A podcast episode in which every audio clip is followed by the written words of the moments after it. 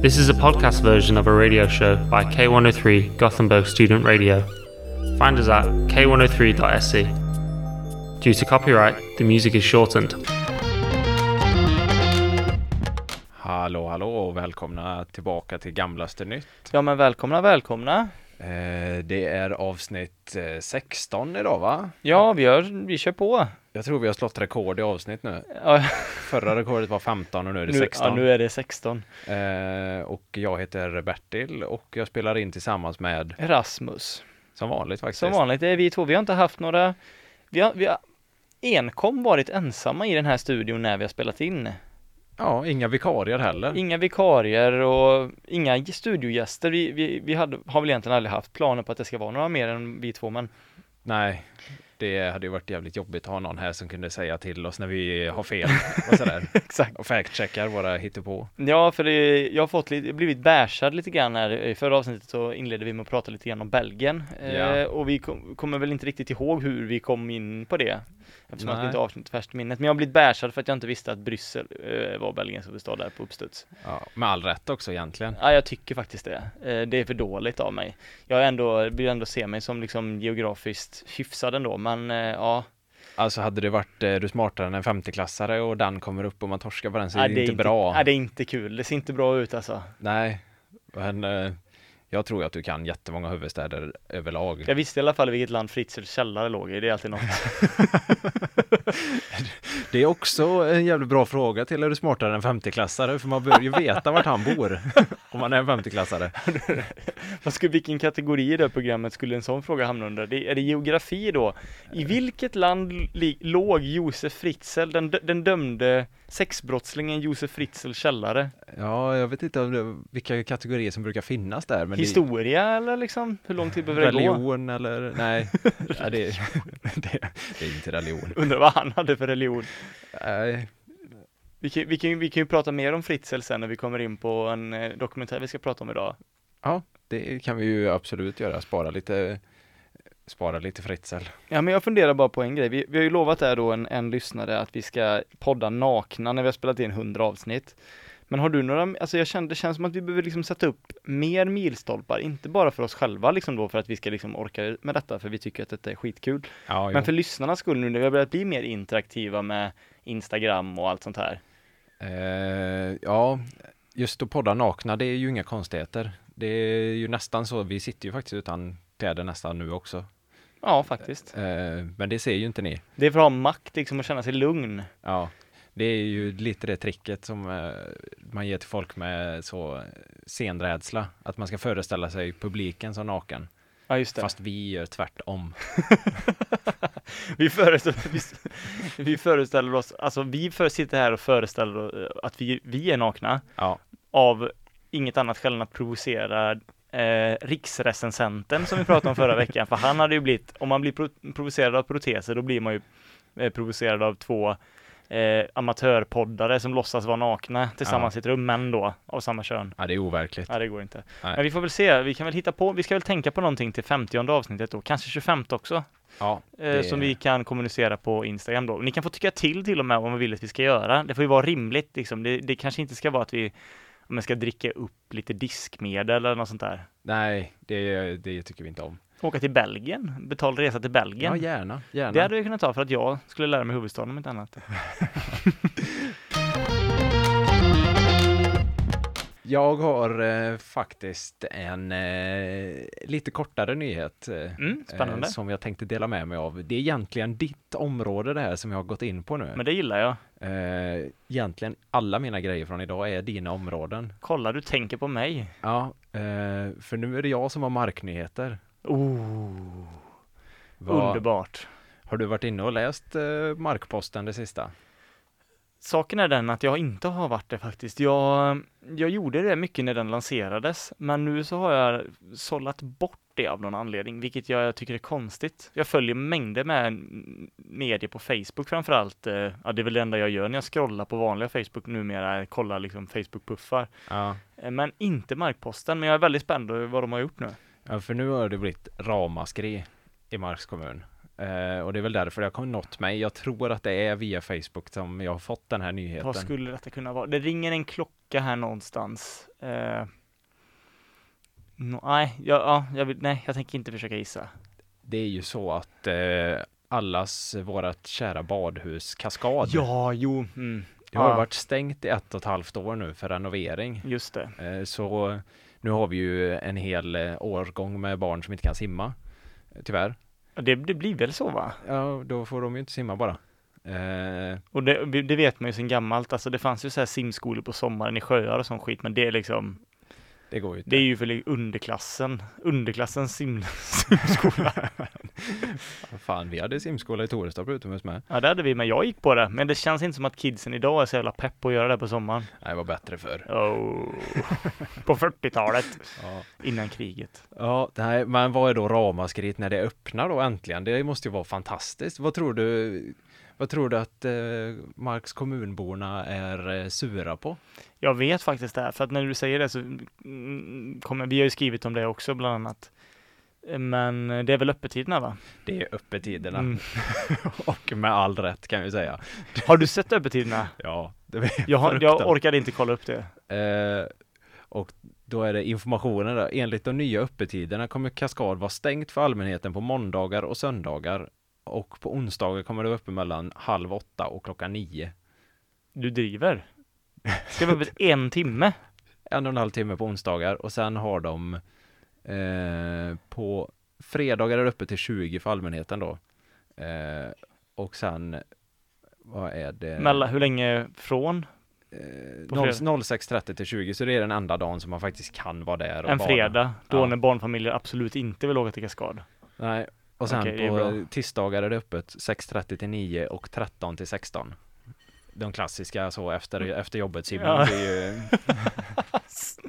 ju så, i- ja, det är så jävla Marks kommun va, och renovera Kaskad i ett och ett halvt år och sen ha öppet typ 20 procent av veckan. Men vad fan beror det här på då? Är det liksom att, att de som har varit anställda på Kaskad, för jag antar att de var tvungna att varsla personal då, för man kan, ju inte gå och betala ledighet så, alltså, le, så länge. Så att de har ingen personal och, som kan jobba och täcka upp de här tiderna, eller vad, vad är anledningen? Nej, Jag, jag ingen aning, eller jag, de, de, liten förklaring verkar ju vara att eh, det är säkert de här enorma mängderna barn som inte kan simma. Så då behöver de stänga Kaskad måndagar och söndagar för att bara kasta in barn så får de att lära dem att simma. För, Ja, det är simskola då när det är stängt. ja, Okej. så att det är för allmänheten liksom som det är, man inte får vara där.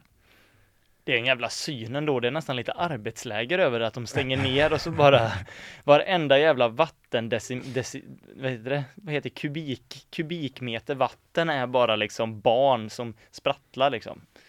Ja, Lite Hitlerjugend ja men ändå. Eh, och det har ju varit ramaskri så de har ju tagit lite kommentarer från Facebook här exempelvis. Vad är det för jävla tider? Bättre att det är stängt ju, skriver en person. Okej, ja det är det väl inte i och för sig, men absolut. Det tyckte jag var en bra kommentar. ja, nej men eh, så eh, om ni nu allihopa där ute, om just du är sugen på att åka till Kaskad och bada så just eh, mellan eh, 7.30 och 9 på onsdagar är ju stark rekommendation att åka dit då, för där då är det öppet. Om du är sugen på att åka till Kaskad, de borde ha en, sån, någon ny tagline. Om du vill åka hit och bada så kan du antagligen inte det. Är du sugen på ett dopp? Inte här. Exakt, det är bättre kortare. Är du sugen på ett dopp? Nej, inte här. Men det, om vi nu ska ha lite milstolpar, vi kanske ska sikta på att försöka hyra Kaskad någon här Oh. dag och ha livepodd. Det är en otrolig idé. Är det 50 då kanske? Ja, hyra Kaskad och så står vi vid rutschkanan och har livepodd och Vi livepoddar i rutschkanan. Vi måste gå upp, upp och ner och åka och hålla med och stativ så och spela in bara.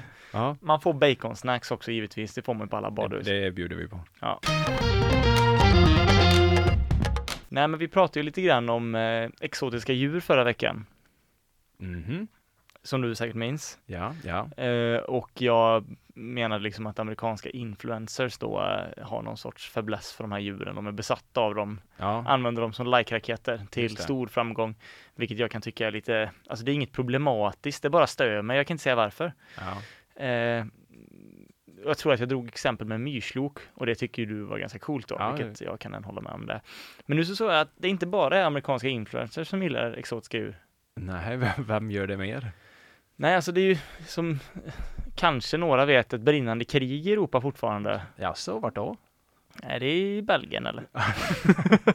Belgiens huvudstad. Ja, Belgiens huvudstad krigar mot Fritzels källare. Ja. De är outnumbered i Fritzels källare, men de förökar sig snabbt så att eh, Ja. så det går. På lång sikt kan de nog vinna kriget. Mm, Ja, mm. men i alla fall, nej, det är ju då eh, Slava Ukraini och Ryssland. Just det. Just det. Eh, och det finns ju en, eh, en profil som jag skulle vilja argumentera för att ha tagit över Greta Thunbergs roll lite grann eh, sen kriget började. Mhm. Zelensky Ja, jo. kunde inte vara mer olika. Eller mer olik Greta ska man säga. Men det finns någonting i den där rollen ändå i populärkulturen som jag tycker mig att han har fyllt i hennes frånvaro. Ja, men eh, ja, jag fattar lite vad du menar. Ja, det är exakt. Man kan inte liksom, jag kan inte förklara va, varför jag känner så, men det känns så. Liksom så här, eh, politiker som har varit skådis, lite show, showman och hon är lite showgirl då, inte show, inte showgirl på det sättet. Nej. Men eh, eh, ja, så att ja, han är ju liksom cover på Times och så här med all rätt och han är en stark ledare som liksom, han ska, han bär en tight t-shirt liksom. Ja. Det är liksom inte så här politikerlooken utan det är liksom, känns som att t-shirten har blivit tajtare nu, den sista, eller? jo det, Så, så tufft har han det nog inte De har blivit maten. tajtare. Men då tänker jag så här, han måste ju må skit, vara rädd för att bli liksom lönnmördad, ha, leva liksom i skydd hela tiden. Alltså paranoia för honom, det är nog vardagsmat tänker jag. Jo, jo, jo. Men därför blev jag så jävla lycklig när jag av en slump i algoritmen då eftersom att jag antagligen har kollat på amerikanska influencers och deras exotiska djur. Ja. Fick upp en bild på en sån här, du vet, stor gris. en sån jätte, eller en sån jättemi, eller det är ingen mini, det är väl en minigris fast en sån stor jävla gris, typ exotisk gris. Menar du ett vildsvin? Nej, jag vet inte om det var ett vildsvin. Nej, jag har inte sett den här bilden så jag är... Du kan få se det nu då. Ja, det, kan, det kan vara ett vildsvin. Eh, men det heter ju typ pigg någonting. Jag tror, är det där ett vildsvin? Jag tror det är en gris. Det finns ju sådana hår, någon ras, grisras som är hårig. Ja, det där är nog ett vildsvin. Ja men det kanske det är då. Den heter Big Sir Pepper Pig i alla fall. Konto. det. Så det är grisen har ett eget konto. Eh, och då så såg jag av en slump där då att eh, man kunde se vilka som gillade den här bilden och då stod det liked av Zelensky. och han gillar då alltså mitt under brinnande krig så tycker jag att det liksom är ett bevis på att man behöver det lätta Ja. när det är tungt. Man måste ha den här dualiteten. Och att Zelensky går in och gillar, liksom scrollar liksom så här, ah, är det några, har vi några spaningar här nu då? Liksom, är det några invånare i Ukraina som rapporterar om någonting som händer där bakom kroken? Var, var är ryssen? Och så bara får han upp en gris på en strand som badar liksom. och han bara, ja, In, Insta-like. jag gillar den bilden liksom. Jag tycker det, det, det har något, har det. Ja, men det, jag, jag hör dig. Men vad är, vad är det som gör han, och liksom, jag tycker det gör han ännu mer likable på något sätt. Ja, eh, jag tänkte ju att du skulle gå in på, för jag såg också något med Zelensky nu i veckan, att han, eh, på tal om eh, naturliv, att Bear Grylls ska åka till Ukraina, eller de har gjort en dokumentär tillsammans nu. Du skojar. Eh, och alltså, den cringe-nivån, jag har inte sett det här, men att Bear Grylls ska gå och göra en naturdokumentär om Zelensky och Ukraina, det känns på många sätt väldigt eh, märkligt.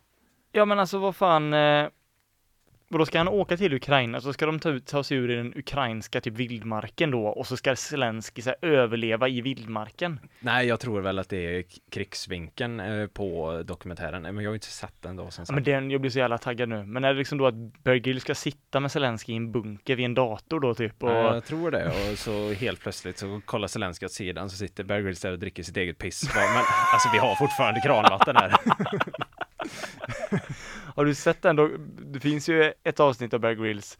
För de som inte vet vem det är då så är det väl en, en överlevare kan man säga, en eh, äventyrare. Ja, ja precis. Som har ett, han har väl haft flera olika vinklar på programmen. Ett av dem när han tar med sig kändisar ut i vildmarken då och intervjuar dem lite grann samtidigt som de ska ta sig från punkt A till punkt B typ. Ja, överleva. Ja. Och då är ju då är ju basketspelaren Shaquille O'Neal med i ett avsnitt. Ja, nice.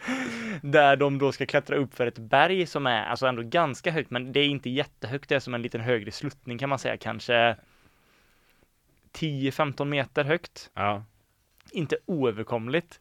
Men då, då fastnar, då klättrar Grills upp först, men sen halvvägs upp så fastnar den här alltså enorma bjässen som är Shaquille O'Neal, han är var 2,15 kanske och väger 130 kilo. Ja. Säkert mer nu när karriären, ja, ja, han har lagt av och sådär. Så då fastnar han mitt emellan de här två bergsklyftorna och liksom hänger och håller sig i ett jävla träd som typ dignar ner så över bergsluttningen. Så han står där med typ tårna på en bergskant så här och bara... det, är, det är bra scen. Ja, det är en otrolig scen. Så att om han kan förvandla sånt guld så borde han i och för sig kunna göra något bra om Zelensky, tänker jag. Även om det visserligen är... Ja, det blir svårt. Uh, ska han liksom gå med då Zelensky ut och alltså, i vildmarken, ett sönderskjutet land då på något vis. Ja, det... ja men hela grejen med Bear Grylls har väl alltid varit att det, allting är ju, alltså det är ju ändå på låtsas, att man utsätter sig på låtsas för eh, den här vildmarken. Han har ju alltid haft med sig ett kamerateam. Han har ju aldrig varit i fara på riktigt eller? Ja men det... Men nu är det ju något helt annat. Det är ju liksom, det är ju på riktigt nu när det är krig, så jag vet inte riktigt hur, om han blir men du har nog ett scoop på G, för att det finns ju en karaktär i Harry Potter i... Vart ska du nu? I, fan vilken, vilken, jo det är väl Flammande bägaren tror jag. Eh, nu minns inte jag vad den här karaktären heter, vilket förstör lite poängen, men han spelas av Kenneth Branagh i alla fall. Det är en, en han, han som blir professor i Dark Arts. Nej, det är inte i Flammande bägaren, utan det måste vara i är i Fenixorden. Han, han är liksom så här eh, jättekändiskåt och sådär och säger att han är den bästa trollkarlen någonsin och okay. kan besegra alla och sådär. Men sen så är han bara en stor bluff egentligen. Han kan typ ingenting. Ja. Och eh, det känns lite, tänk om Bear Grylls är likadan. Alltså han, han har aldrig varit i vildmarken. Jag misstänker att det kommer att bli eh, om när verkligheten slår han. Zelensky är mycket hårdare. Han har bara göra den mesta enkla tasken, tälj, ett spjut av den här pinnen och börjar förstår inte hur man täljer något vasst. Så det blir bara, spetsen bara går av så hela tiden tills han bara har en liten, liten flisa kvar.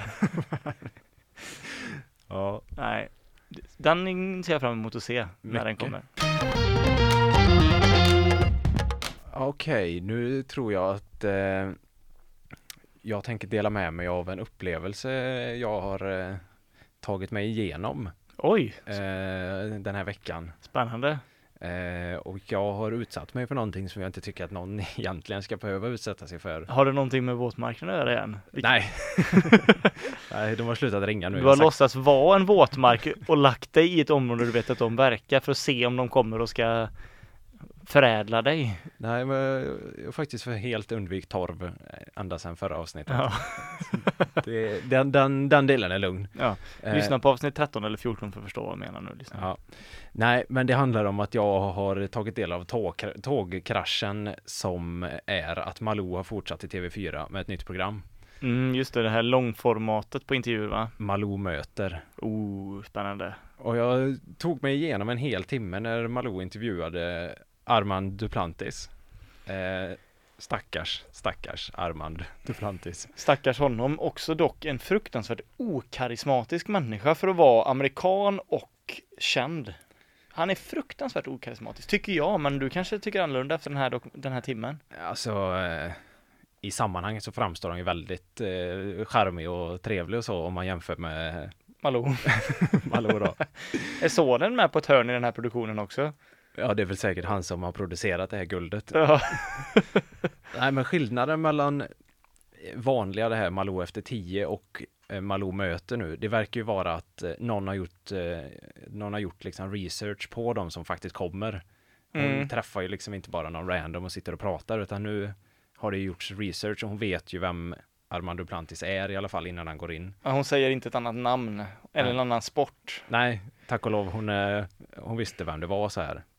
Eh, men hon, jag vet inte, men hon har väl någon slags journalistisk eh, eh, bakgrund, måste hon väl ha? Jo, men det har hon antagligen. Alltså hon var ju det var ju Stina Dabrowski var ju en intervjuare som gjorde mycket så här, ja men intervjuade Mandela tror jag och eh, de, Ingmar Bergman och de här största, alltså i världen lite så. Och sen tror jag att hon tog över den rollen lite grann på ja. 80, 90, 90-talet kanske. Så jag tror hon har det, men ja, man kan ifrågasätta det ibland. Ja, men jag tänker du, du som Eh, journalist, då har jag lite frågor utifrån vad det är hon ställer för frågor. Ja, intressant. Eh, och eh, Malou har ju en jävla strategi i den här intervjun då, där hon berättar hela tiden vad Arman tycker och vad han känner i frågan. Är det ett bra eller dåligt sätt att eh, intervjua en person? Det är ju ett fruktansvärt sätt att göra. För Då, säger, då tar man ju orden ur personens mun. Då, att fråga känner du dig XXX nu är ju värdelöst. Om, eh, om man går så långt och berättar att du känner så här, har man gått för långt då? ja, det känns väldigt eh, konstigt. Det beror lite på kontexten kanske. Ja, Men Jag har ett litet ljudklipp som jag ska spela sen, eh, där eh, orden läggs i mun. Eh, men eh, Malou, det, det finns ju någon slags strategi och det märker man ju. Hon levererar första frågan. I, hon säger hej, vad är den största missuppfattningen om dig? mm, Eh, och i vanliga sådana här program så har man väl ändå förberett den som blir intervjuad. Eh, eller hur? De brukar att man få- breachar de frågorna i förväg. Men Eh, Ibland i alla fall, men det är nog inte alla som vill det. Man vill nog kanske inte alltid det själv som journalist. Men i, i ett sådant sammanhang så är jag ganska övertygad om att han har fått se det i förväg. Eller Ja. borde ha krävt det i alla fall. Men Arman blev i alla fall väldigt obekväm av den här frågan. Det tog typ två och en halv minut innan han lyckades svara på det här. Hur, hur fan kan man bli obekväm av en sån fråga dock? Det vet jag inte. Han hade kunnat säga vad som helst. Han kunde säga att jag eh, inte har någon eh, koppling till Sverige. Eller vad fan som helst. Nu är det ju jag som lägger svaren i hans mun i och för sig, Ja. men det kanske alla journalister gör. Eh, Men sen, sen så kommer det lite, jag har inte alla ljudklipp utan jag har bara skrivit ner vad, vad hon sa. Eh, och hon berättar för Arman att du måste vara väldigt dis- disciplinerad, eller hur? Ja, Och så måste han liksom bemöta det här då eh, med Ja, ja okej, jo, men eh, det är jag väl. Eh, och så får han liksom jobba sig ur alla hennes frågor. Eh, okej. Tanken är väl, eh, hennes strategi är väl då att få det till något sorts mer vanligt snack än en intervju. Så man skulle kunna säga till en polare, ja men fan du, du måste ändå vara jäkligt disciplinerad som orkar med det där eller? Fast det ah. säger man väl inte heller till kompisar? Då det är väl om man ska liksom lära känna någon på en förfest. Ja, jo. Eh, sen så en fråga då. Eh, mamma och pappa är jätteviktiga för dig, det förstår man. Det är väl att hon vill krama ur lite bra citat för hon vill att kvällstidningar och medier ska skriva om den här intervjun för att hon får gratis reklam antagligen. Ja, eh, sen kommer det till det bästa som jag ändå tyckte det här, nu är det topp, toppen det här. Eh, när hon eh, eh, säger Det är ju så när man tävlar, ibland vinner man och ibland förlorar man. Och det, hon säger bara det. Är du bra på att förlora? Okej. Okej, här kommer julklippet, ska Ja. vi se. Vad är du på att förlora då? Eh, jag tror jag är bättre att vinna än Ja, det förlora. jag också. kan man Det är säga. inte så konstigt. Men nu är jag faktiskt bättre. Det är bättre. Jag är, jag är mycket bättre än jag var förut att förlora. För att jag, nu jag har, like, jag fattar mer att allting kan hända i Ja. sport. Och i, ibland det, det kan vara en dag med när du kan inte bara hitta rytm eller Mm. du kan inte hitta känsla. Och, och, och det, händer, det händer så ibland.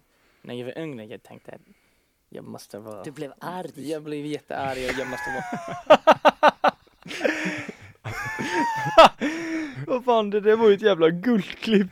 Och så var det så jävla Nej. fruktansvärd. När jag var yngre, jag kände du blev arg. vad fan är det där? Låt vad, han svara. Vad är det? Okej, det var mycket bättre än vad jag trodde. Du blev arg! Du blev arg! Och när jag var yngre, du blev arg! Alltså, vad gör hon? Jag vet inte. Och hela, hela intervjun var så här. Du blev arg! Hon frågar en fråga, han svarar inte riktigt som hon vill och så säger hon Du blev arg. Ja, Eh, herregud. Ja. Det där hade man velat ha. Kommer du ihåg att det fanns en app när Solsidan blev eh, känt?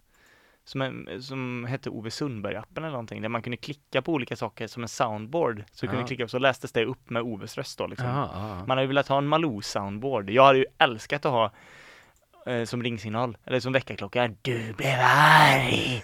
Du blev arg! Det har jag använt varje dag. ja. Jag, jag, jag ska bara se här om eh, det kommer en grej. Det första sekunden här då. Okej. Det här- Vad fan var Vad var det där? Det var alltså Malous ju- ljud när hon lyfter på Armans eh, stavhopp, eller stav. Jaha, jag trodde att Jag trodde att det var liksom felklippt, att det var liksom ah, att hon liksom fick ont, i magkatarr eller någonting precis innan och så har de glömt att klippa bort det. Jag får höra en gång till. Alltså, Okej. Ska hon försöka liksom då måla upp som en liksom bildmet och ljudmetafor att han är liksom någon jävla grekisk gud då som kan lyfta en sån här. Det är inte bara det att han är så bra, en sån här stav är så jävla tung. Det gör liksom, det gör det han har gjort så mycket större. Ja, det, det måste vara det, men eh, hur som helst, Malou och hennes eh, legacy lever ju vidare mot alla odds. Det var ju, jag trodde inte att hon skulle få fortsätta på bättre sändningstid Nej, med det- mer resurser för att det är ju väldigt bra researchat det här. Alltså hon, det är ju bra produktion. Jo, jo, jo, men det är Malou som uh, uffar sig igenom Ja, programmet. varför sitter hon där? Nej, det, det kan man undra. Hon, har, hon måste ha rätt, känna rätt folk som man brukar säga. Ja, ja, det det är ju helt sinnessjukt. Eh, och hela intervjun är likadan. Ja, fasen det låter outhärdligt men också kul. Jag blir ju taggad på att lyssna när hon säger det här, du blev arg och uh. Ja, nej men det kommer ju några andra intervjuer. Jag tänker att jag ska försöka se dem. För jag har förstått att hon ska intervjua Clark Olofsson. Vilket kommer bli eh, mäktigt att se två personer som inte kan lyssna på den andra utan eh, Oh, ja det kan ju bli någonting. Du, undrar om hon säger så till han också. Du blev arg på Norrmalmstorgsdramat. När polisen knackar på då blir du arg. det kommer vara två personer som pratar eh, separata konversationer med varandra. Ja, ja hon för en inre, en inre monolog högt och han för sin så det blir att de pratar om två helt olika saker så bara. Ja, jag är faktiskt taggad på att se det. Ja, det blir, det blir ett roligt meltdown om inte annat. Eh, Så kolla inte på eh, Malou. Nej, ni får reda på det viktigaste från Malou utklippt här i Gamlaste Nytt. Men det börjar bli dags va? Ja, Rörelsen. rörelsen. Dokumentären som har anlänt likt Guds sändebud till människan, skulle jag säga. Ja, det här var eh, inte den dokumentären vi förtjänade. Nej. Det var den vi behövde. Mm, väldigt, eh, väldigt sant. Påminner nästan lite om eh, någonting vad två, två personer kallar sig i den här dokumentären. Vill du köra lite eh, backstory vad det här handlar om? Nej, men det är ju så att det är en dokumentärserie som heter Rörelsen på SVT som eh, där en etnolog, som jag faktiskt inte visste vad det var innan jag såg dokumentären. Mm. Visste du det? Ja. Vad- hur skulle du beskriva det? Eh, någon som eh, tar sig in i ett fenomen och studerar det inifrån. Är det, så ju det är? Metod. När jag googlade på det så stod det typ att det var att man forskar om eh, alltså människor i grupp och alltså kulturforskning typ. Ja, precis. Ja. Fast man är liksom en del av gruppen i själva forskningen. Ja, det är arbetssättet liksom. Ja, och Okej. det ser man ju i dokumentären att han liksom tar del av Han är med ja ju. Ja. Mm. Nej, men den här etnologen då som, som följer egentligen det vi och många andra säkert såg under pandemin, den här antivaxrörelsen. Eh, Ja. det, är det, det är det på ytan, det var det jag jag gick faktiskt in i den här dokumentären utan att veta speciellt mycket. Jag trodde mer att det skulle vara som eh, en annan dokumentär som SVT har gjort där det handlar om ja, män som vill hitta tillbaks till sin manlighet mm, mm, mm. eh, på något vis med liksom naturen och stam, stamteorier och sånt där mycket. Den här dokumentären handlar om den här rörelsen då eh, som på ytan är en antivaxrörelse men som egentligen som kallar sig själva för frihetsrörelsen egentligen. Eh, som proklamerar att människan ska följa naturlagarna och vara fri. De vill att liksom ha mer tydliga könsroller som det var förr och hitta tillbaks till naturen och att staten och allt det där bara är ett system som är korrupt som förstör typ. Ja, det är ju en jävligt bra sammanfattning. Och då får man följa till en början några karaktärer ur den här rörelsen. Eh, ja, han kommer in på det mycket med det här mans, att hitta tillbaka till manlighetens spåret, men sen grenar det ut sig då till att primärt handla om frontfigurerna i rörelsen Ja, egentligen. ja. Även om han deltar på lite olika events och sånt där så är de ju ofta med i bakgrunden, men det handlar även om de här två eh, Filip Sjöstedt va? Filip Sjöström och Max Winter. Max Winter ja. Och eh, vad ska inte glömma bort Max Winters flickvän då, Nathalie Jonsson. Nej, precis. Hon eh, ska inte glömmas. Eh, och det, till att börja med bara så vill jag säga att jävligt välgjord och eh, tajt dokumentär. Ja, mycket vackert. Bra, bra producerat och det var inte många tråkiga scener alltså. Det Nej, var inte mycket. jävla bra. Inte mycket slask. Men det som är så otroligt intressant var ju att få en inblick i vad det är för typ av personer som hänger på och vad den här rörelsen var. För under pandemin så tänkte man ju mycket bara, ja det där är antivaxare. Ja. Men man märker ju att de använder, använder det som en chans att synas egentligen är väl det enda jag skulle kunna ta iväg därifrån. Människor som är vils, inte, inte alla, men det kanske vi kommer in på sen, men människor som är vilsna och ser det som en möjlighet att få stå i rampljuset lite grann. Det kan man väl lugnt säga. De säger ju det själva flera gånger in, i dokumentären att det här är ju bara dragplåstret för att de ska gå med i våran rörelse för att krossa samhället. Ja, men det som är så intressant är också att det verkar inte ha funnits någon rörelse innan pandemin. Nej, Så att är det liksom att då att de har bara sett sin chans eh, där att ja, nu ska jag få vara ledare här. För det verkar ju lite så. Jag minns han Filip när han innan där att han ja, han var med i Gott Snack den här morgonshowen och lite grann Jaså. sådär. Och snacka och så. Och han blev utskattad mycket för att han framhöll sig själv som väldigt intellektuell men så hade de någon sån här basic bokquiz på de mest så här basic böckerna som han och han kände inte till någon av dem liksom. nej men det märkte, eller min svåraste med att se han Filip Sjöström, det kändes ju som att det här är en skådis som försöker se dum ut. Eh, jag, vet, jag kände att hela tiden, nu försöker de lura mig, det här är en dokumentär. Ja, lite så. Och i så fall hade det varit en otroligt bra skådis. För jag håller faktiskt med dig. Han Max Winter då, Ja, han framstod som mer flyktig, liksom att han, det här var en grej för han att känna sig sedd och viktig. ja. Men för han Filip, han, man fick inget riktigt grepp på honom. Han såg ju väldigt sårad, alltså en sårad själ ut. ja. Samtidigt som han på ah, han kändes oberäknelig på något vis. Nej, ja, jag, jag har ju skrivit ner en hel del citat från eh, den här eh, dokumentären, för de säger så jävla mycket dumma saker. Ja, det är hästväg. Du, du kan ju få börja leverera något här.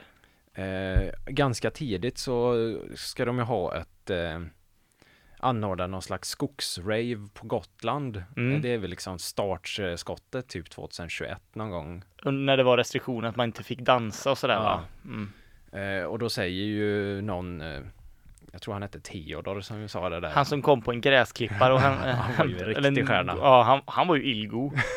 han Men- var inne på fysik den gubben också. Det var liksom det, var liksom det han Ja, förklarade. sin- kvantfysik, Kvantfysik. alltihopa. Ja. Ja. ja, för det skrev jag ner också, att han pratar om kvantfysik som att det enda han har gjort det och sett Interstellar och Ja. tror att det är kvantfysik Ja, exakt. och tolkar det rätt fritt vad kvantfysik är. Ja, Väldigt jo. mycket vibrationer. Energier och tidslinjer.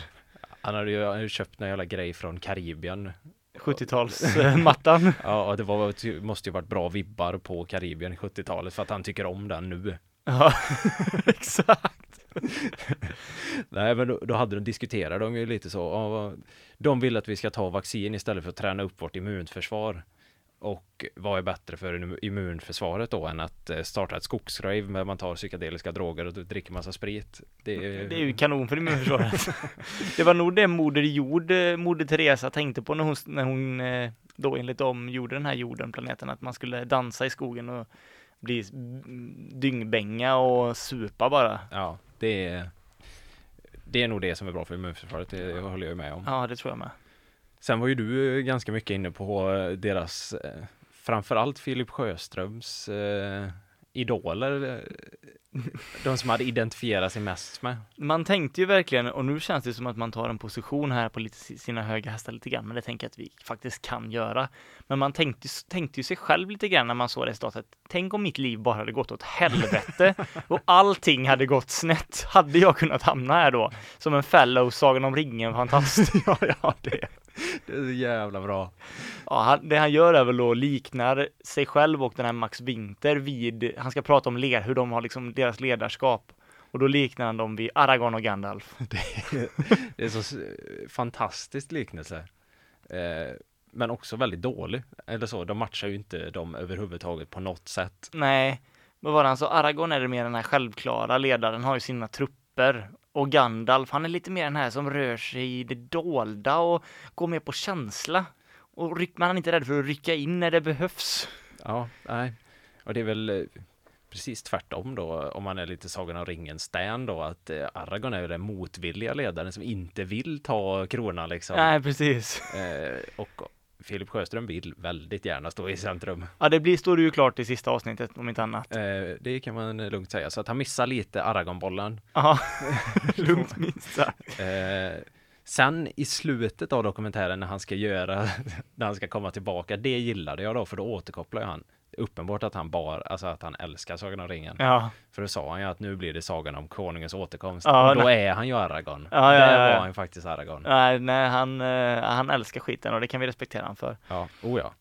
Men då, det var också någonting, eh, man vill ju prata om allt med den här dokumentären, men jag, jag fastnade också vid en grej som vi kan ta först. Vi kommer väl till slutet antar jag, för det är också ganska talande. Ja, Men eh, jag, alltså vikten av en jävligt bra inledning som greppar tag. mm.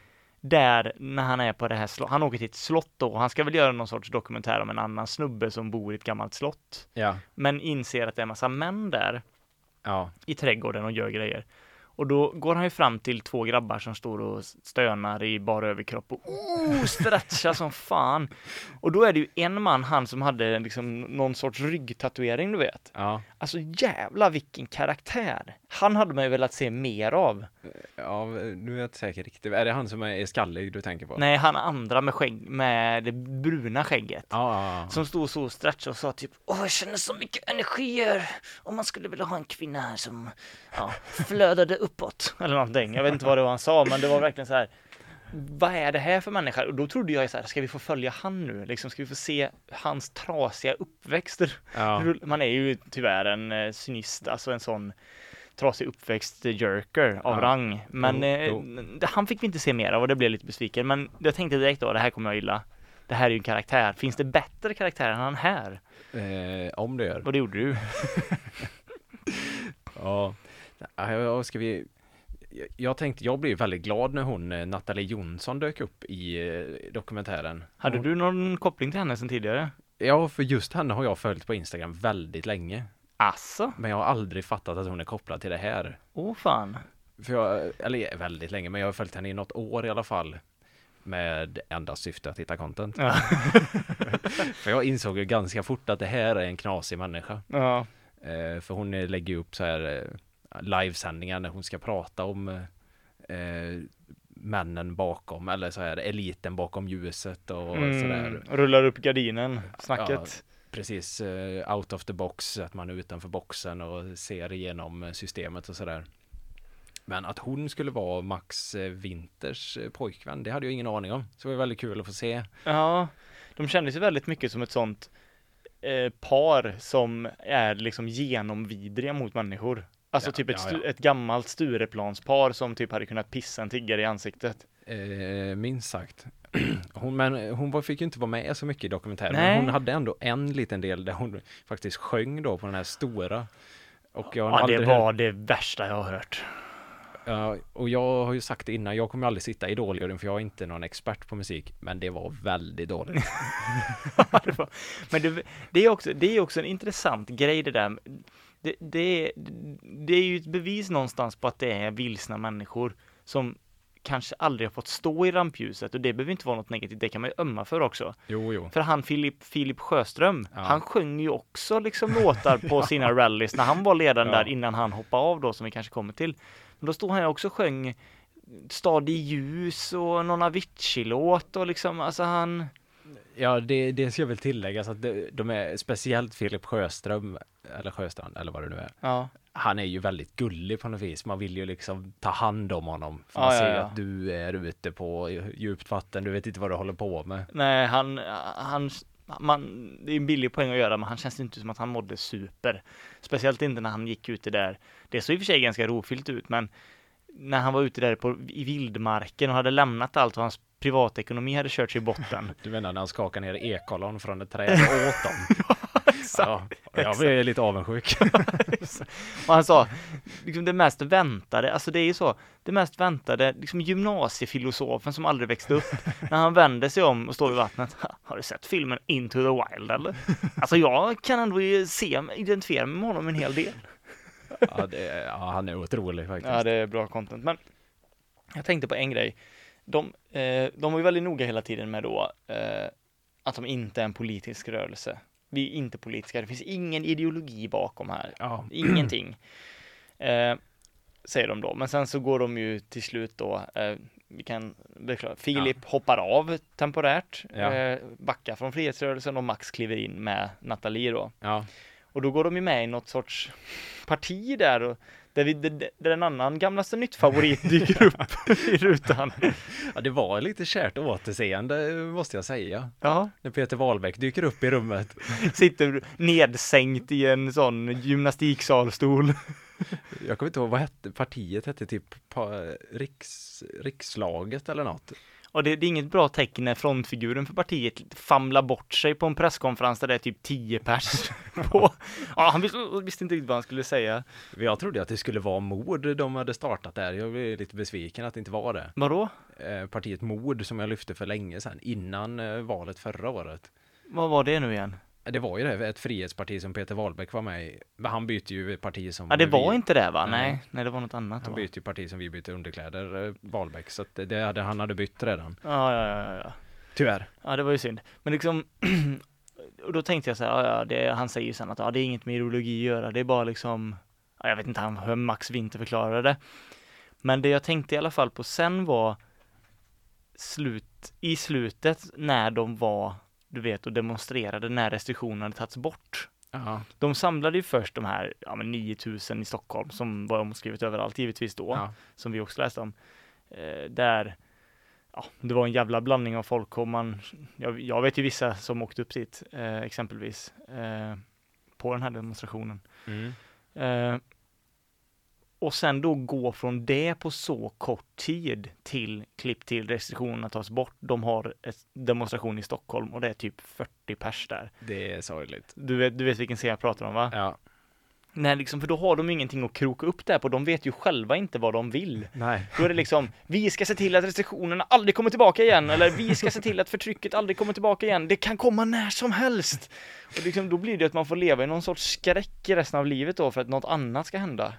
Ja, alltså för, för grejen är att de är ju den eh, raka motsatsen till Masked Up Sweden där som lever i den konstanta sträck, skräcken för corona. Eh, även fast den kanske inte är så aktuell just nu. Mm. Fast de lever i, vi lever i den konstanta skräcken för att staten ska göra något åt corona. Det- det, Ja men precis, det bästa för dem, de hatade ju pandemin och det fanns inget virus som var farligt och sådär. mm, Det bästa för dem hade ju varit om det var corona hela tiden. ja, ja, ja, då hade de kunnat fortsätta växa liksom. De undrar vad som hade kunnat hända om det hade varit liksom en tio års, alltså det finns väl kvar givetvis, men om den hade varit, pandemin hade sett likadan ut i tio år. Ja, det, då hade de nog haft lite mer juice. Ja. Men vad, vad känner vi? Alltså, det finns ju också, det finns ju mycket att säga och vi kan inte prata om detta för länge, men den här scenen med den här elitstyrkan, har du någonting? Eh, Ja, det kan du ge det på.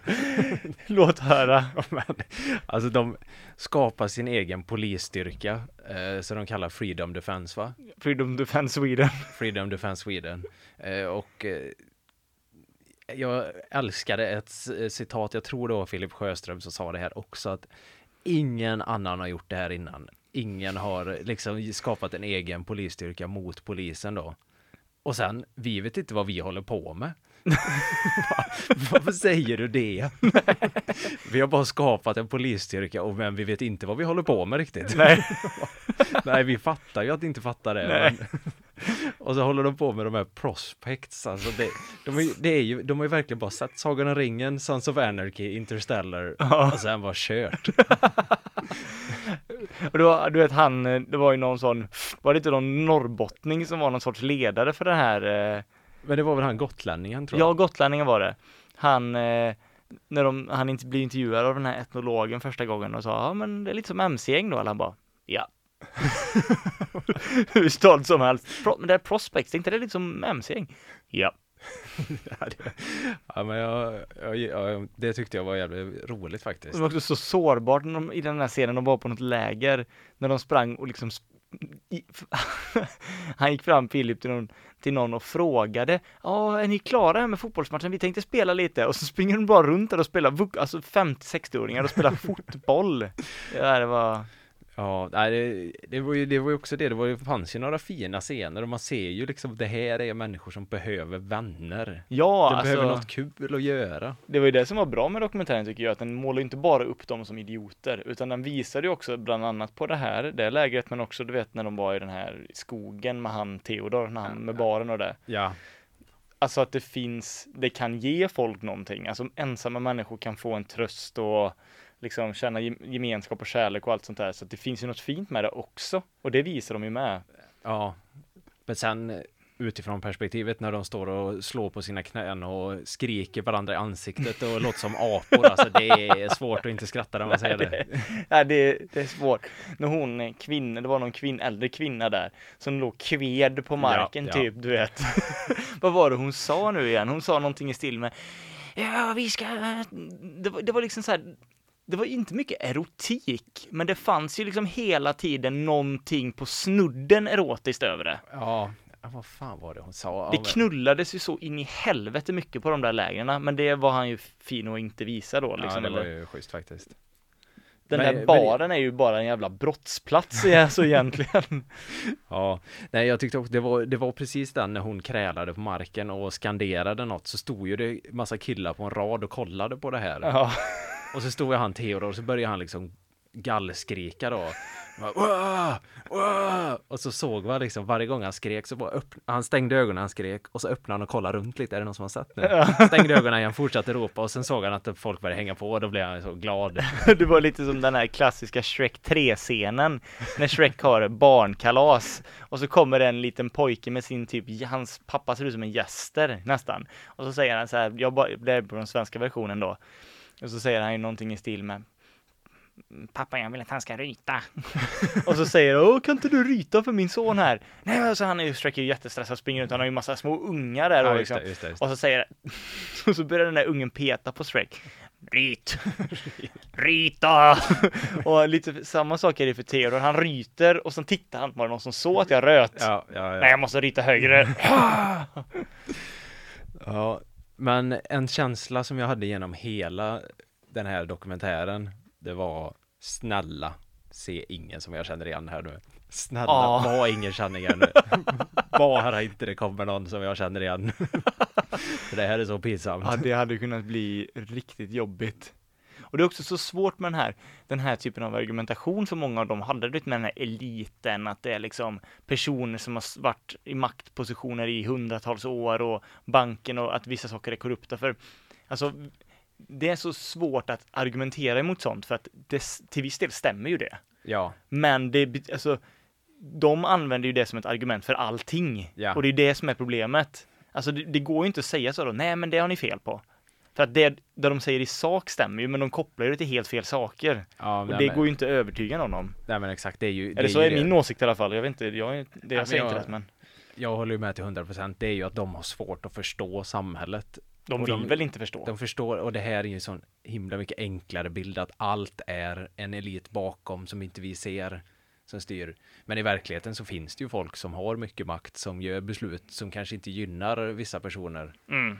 Men det är enklare för dem att liksom klumpa ihop det här är liksom eliten som försöker kontrollera oss. Ja, det är Rothschild och det är liksom Getty och alla de här eh, oljepamparna i USA som styr allting och läkemedelsindustrin är köpta, vilket till viss del stämmer, men bara för att det, att det, det gynnar ju inte eliten heller att vara värdelösa. Alltså deras, det bästa de kan göra är att gå obemärkta förbi och inte dra uppmärksamhet till sig. Ja. Nej, Så att eh, hade, hade de liksom vax, pumpat vaccinet fullt med någon skit för att folk skulle behöva gå hos läkaren mer så ja, det hade nog inte gått så jättebra tror jag. nej förmodligen inte. Ja, Jag har en sak kvar till på det här tror jag. Eh, och det var ju, jag tyckte det var så jävla gulligt när de satt och eh, hade någon sån brainstorming och man såg hur jävla roligt de hade. Och jag kunde verkligen tänka tillbaka till barndomen när jag spelade lite så online-spel, typ Tribal Wars. Okej. Och så skulle man göra egna stammar. Mm. eh, för att här, vara i lag med kompisar typ. Och då satsade man ju så jävla hårt på att man skulle ha bra stamforum och man skulle ha bra logga, man skulle ha bra typ motton och sånt där. Mm. Fast så fort man var färdig med att göra det så orkar man inte spela längre för att det var ju det roliga var ju liksom att göra. Förbereda det. Ja, och exakt så var det ju när de satt där och jag det roliga är för att det jag kommer ihåg när jag själv skulle göra den här stammen och hitta på motton och så. Det enda mottot man kan, det är ju Semperfi. Mm. Och dra mig fan om inte det var det exakt det ordet de använde med, för de kan ju inte heller någonting. så deras så motto var Semperfi. Vad betyder det du igen? Eh, det betyder så mycket som eh, alltid lojal. Ja, just det. Och det är väl eh, Navy CSI, CIS eller vad fan heter de i USA? Ja, det är Navy Seals eller? Navy Seals eh, motto. Det är också så typiskt att använda. Det är gött. De tycker, de hatar ju inte att använda ett latinskt uttryck. Eh, nej, Det hatar de inte. och de hatar ju inte att använda det enda latinska uttrycket de kan. Det var också så sårbart, det, det är det sista jag tänkte på nu. Du vet den här scenen de skulle ha den här rave-festivalen i början. När de sitter och planerar, då fick man ju verkligen känslan av att det var tre killar som förberedde en hemmafest för Oh ja. 15-åringar. När de säger, ja men om de inte har en god vibe så får de inte komma in. Och så säger han bara, ja men vad fan de har ju köpt biljett och vi kan vi kan inte bara stänga ute dem, det går ju inte. Ja men man får kolla då, de är lite aggressiva så här, testa dem lite och då och han Filip bara, men det är bara att ge dem pengarna i dörren och han ena bara, vi kan ju inte stå och ge hur många män- människor som helst pengar i dörren bara för att de inte får komma in. Det kändes, så jävla mycket så här förbereda en hemmafest där man säger att ja, nu får bara 10 pers komma, idag så kommer det 50 pers. Att man tummar på det, ja, det kändes så jävla ja, sårbart på något vis. Men eh, en otroligt stark eh, dokumentär. Rekommendera till skillnad från Malou då till alla att titta på. Ja, för det här var sevärt. Två tajta avsnitt, 50 minuter styck ungefär. Och den hette så mycket som vad? Rörelsen på Rörelsen. SVT Play finns den. Så hette den. Ja, alltså det har ju varit Mello nu, eller är Mello fortfarande va? Final, finalen har väl inte varit, det är deltävlingen fortfarande. Ja, det tror jag. Nej, men det är, det är väl, Är det final? det måste väl vara andra chansen kvar och grejer. Ja, det är massa jox. Har du kollat? Eh, nej, jag har missat i år. Inte en enda tä- deltävling. Inte en enda. Jag har sett ett bidrag. Ett bidrag. Ja. Och det var? Eh, den här Benny och Elov, den här raggar-bidraget. Fruktansvärt dåligt. Hur kommer det sig att du såg den då? Nej, men jag försöker hänga med i den här epadunk-trenden lite. Ja, okej. Men det är svårt. Är de stora i, det, i epadunk-kretsar? Jag kan säga att eh, Kullaberg drar mycket folk när Benny och Elov kommer. Alltså det är inte, för det brukar ofta vara så att de genreartisterna som är med i Mello är oftast töntiga inom sitt respektive fält. Ja, typ jo. när Heat var med och spelade. Du kommer ihåg rockbandet Heat. Eller när lilla syster var med. Ja, eh, Dead by April var med. Det var ju i och för sig en liten U-sväng, men Ja, de blev ju töntiga efter det. ja det, det är ingen kvalitetsstämpel att vara med i Mello. Det behöver det ju inte vara. Nej, men i alla fall. Eh, jag har faktiskt inte heller sett någonting alls, vilket inte är en, marker, en markör på något sätt, utan det är bara att jag, ja, det har inte blivit så. Eh, men jag såg däremot att Loreen är med i år igen. Ja, det är så faktiskt också. Och eh, säger man vad vill om henne, men alltså Euphoria är ju en jävligt bra melodi. Alltså, det är ju en bra låt för att vara med i Melodifestivalen, kan jag tycka. Men den är till och med bra utan att vara med i Mello skulle man ändå kunna, tycker jag. Ja, men det är ju en banger Det, egentligen. ja, det är en banger. Eh, så att jag visste inte att hon skulle vara med. Nej. Vanligtvis brukar man ändå vet, scrolla förbi någon sån här Aftonbladet-lista. De här är med i Let's Dance och så tänker man, eller Mello. "Ja, Jag är inte intresserad av det här egentligen. Men jag kollar, det kanske är något, du vet så här. Men jag har inte gjort det i år. Men eh, anledningen till att jag förstod att hon var med var faktiskt via Twitter. Mm. Eh, ett klipp där jag inte först förstod vad grejen var, men jag sen förstod att hon blev intervjuad av någon journalist för att hon skulle prata om sitt bidrag då, som heter någonting som jag inte heller har kollat upp. Men eh, ja, någon ny låt i alla fall. Tattoo. Tattoo ja, såklart. Eh, har du lyssnat på låten? Eh, nej, det har jag inte. Inte jag heller. Men jag har lyssnat på intervjun i alla fall. Jag också. Ja, så att eh, den blev ju ganska viral den här intervjun. Eh, jag har hört lite saker om Loreen sedan tidigare, men jag tänker att vi kan ta efter vi har lyssnat på det här då. Det här är ett urklipp då när Loreen pratar om låten Tattoo. Okej. Det lät så här. love is not even a personal experience it is a human experience if you ask me och kärlek i alla dess olika former. Men min, min, min poäng med the storyboard, liksom, den är ju lite kryptisk såklart. Men det är ju att eh, om man vill uppleva true love, alltså deep, deep love. Alltså det är... then you need to fight a little bit for it. Det gör Preach. lite ont alltså. Lite... Ah, preach! eh, så annars så liksom, du, du kommer inte få uppleva det liksom. Och det är det jag menar med as in tattoo. Det här är symboliken. Ja, det- Your, my love for you is, is carved in me as a tattoo. Preach! Fy fan. Det är, ju, det är ju, nu är vi verkligen gamlaste nytt för den här har ju legat ute ett tag. Eh, det, jag tror dock inte att alla våra lyssnare har tagit del av den här. Nej, det tror inte jag heller. Och eh, ja, den öpp, det öppna målet att skjuta in är ju LSD-vinkeln på det här. Hon är ju så uppschackad så att, Hon är ju eh, något så fruktansvärt bens, eller inte upptjackad benzoinera. Hon ja. är upptjackad, måste, det är ju synd om henne lite, eller? Ja, det hade ju det, men det är ju hon själv som har lagt ut det. Hon är ju nöjd. Hon tycker att hon gör något bra här. Ja, hon tror ju att hon har kommit på något. Hon har kommit på en sanning. Eh, ja, Är det inte lite frihetsrörelsen-aura på Loreen ändå?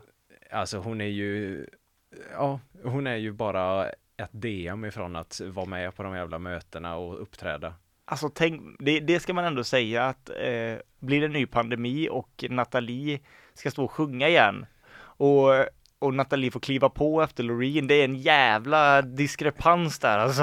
Ja, ja, varför, varför värvade de inte Loreen? Hon är ju jättebra på att sjunga. Hon har ju fan dratt hur mycket folk som helst. Ja, och jag har hört att hon tydligen ska vara ett riktigt flumtroll också. Och ganska så jävla otrevlig. Jag vet att Alex Schulman, eh, vilket kanske inte är den mest trustworthy källan eh, alla gånger, men berättade om någon, något möte med henne där hon hade varit så här, vet, riktigt dryg och typ jag är känd, låt mig vara, alltså du vet så här Ah. väldigt så. Och jag har också hört, eh, läst om att hon är ja, svår, men det är väl, har man väl läst om typ alla kända personer i och för sig. Ja, jo. Men ja, det hade varit intressant i alla fall. Eh, för hon har ju verkligen i sitt sätt att prata med liksom, en, ordet ener, energy är ju inte långt borta. Nej. Och yttras ordet energy så är ju inte natural law långt borta. Och vibbar. Ja, vibbar, det är mycket vibbar på Loreen. Alltså Theodor, hon hade ju älskat Theodor Ja, ja, från eh, dokumentären Rörelsen. Oh ja, oh ja. Den karibiska mattan hon har, det är ju, han har ju köpt den av henne. Garanterat. 100 procent. Och det hade väl ändå varit en viss se, alltså, vet det här, eh, är det Medborgerlig Sanning det här partiet heter med pa Paolo Roberto? Eh, Samling. Medborgerlig Samling med Roberto Bard. Ja. Eh, Det hade ju, man hade ju ändå kunnat se, liksom, det är ju ett rövigt radarpar. Jo. Men liksom Peter Wahlbeck och Loreen i ett parti. Oh. Det, där snackar vi en dyna dynamisk duo. Ja, det är ju också två personer som förmodligen kan prata sina inre monologer mot varandra utan att någon hör vad den andra säger. Men vad tror du om en, en Mal Malou möter, heter det va? Ja, Vad tror du en Malou möter med Clark Olofsson, Malou, Peter Wahlbeck och Loreen i någon sorts Skavlan-upplägg?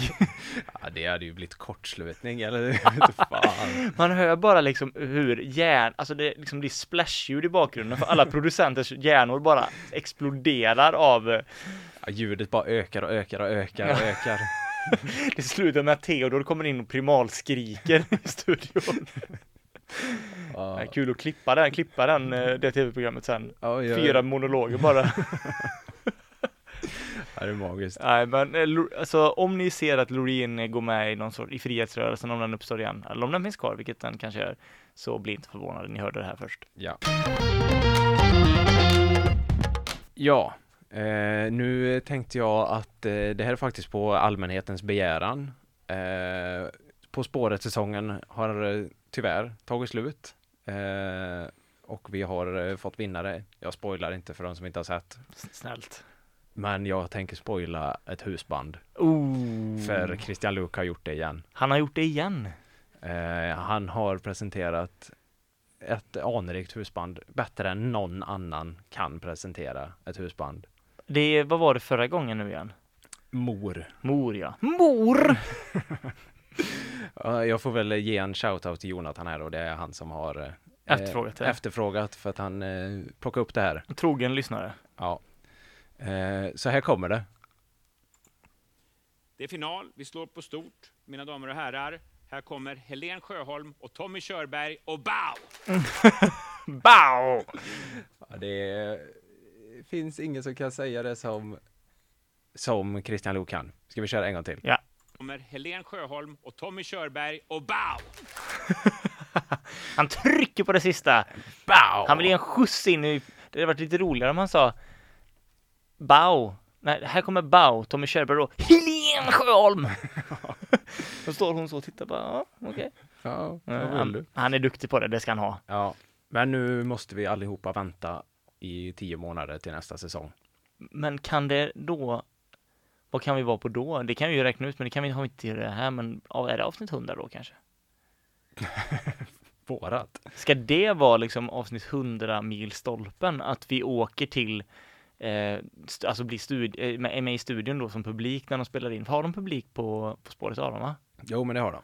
Så liksom sitta där då och göra någon sorts, eh, försöka spela in Gamlaste Nytt live i samtidigt som de spelar in På spåret. Ja, det hade varit mäktigt. Och fånga Lokes påa Ja, live i podden. ja, det wow.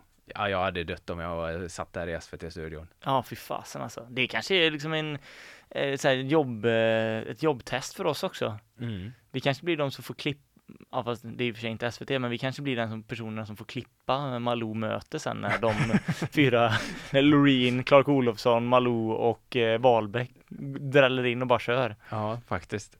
Och med Christian Loko på spåret så tror jag vi glider ur det här eh, avsnittet. Ja, nu har vi nog spelat in eh, mer än nog. Ja, ni har hängt med och ni har gjort det jäkligt bra och som alltid så eh, uppmanar vi er att tycka till på eh, Instagram. Jag insåg innan att det är bara äldre personer som säger Instagram om man nu snackar betoningar eller. Instagram. Instagram. Instagram. Insta, Instagram. Vad säger du? Instagram. Instagram, ja Ja, det gör jag, jag, sa nog rätt då. Kanske är något bonnigt bara, Ja. att vi får mark där. Men eh, åk till eh, Kaskad i mark, eh, titta på Malou möter, eh, förkovra sig i dokumentären Rörelsen och så hörs vi någon annan gång. Ha det gött. Ha det gött, hej! You've just heard a podcast version of a radio show by K103 Gothenburg Student Radio. You'll find all our shows at k103.se. Follow us on Facebook or Instagram. Stay tuned.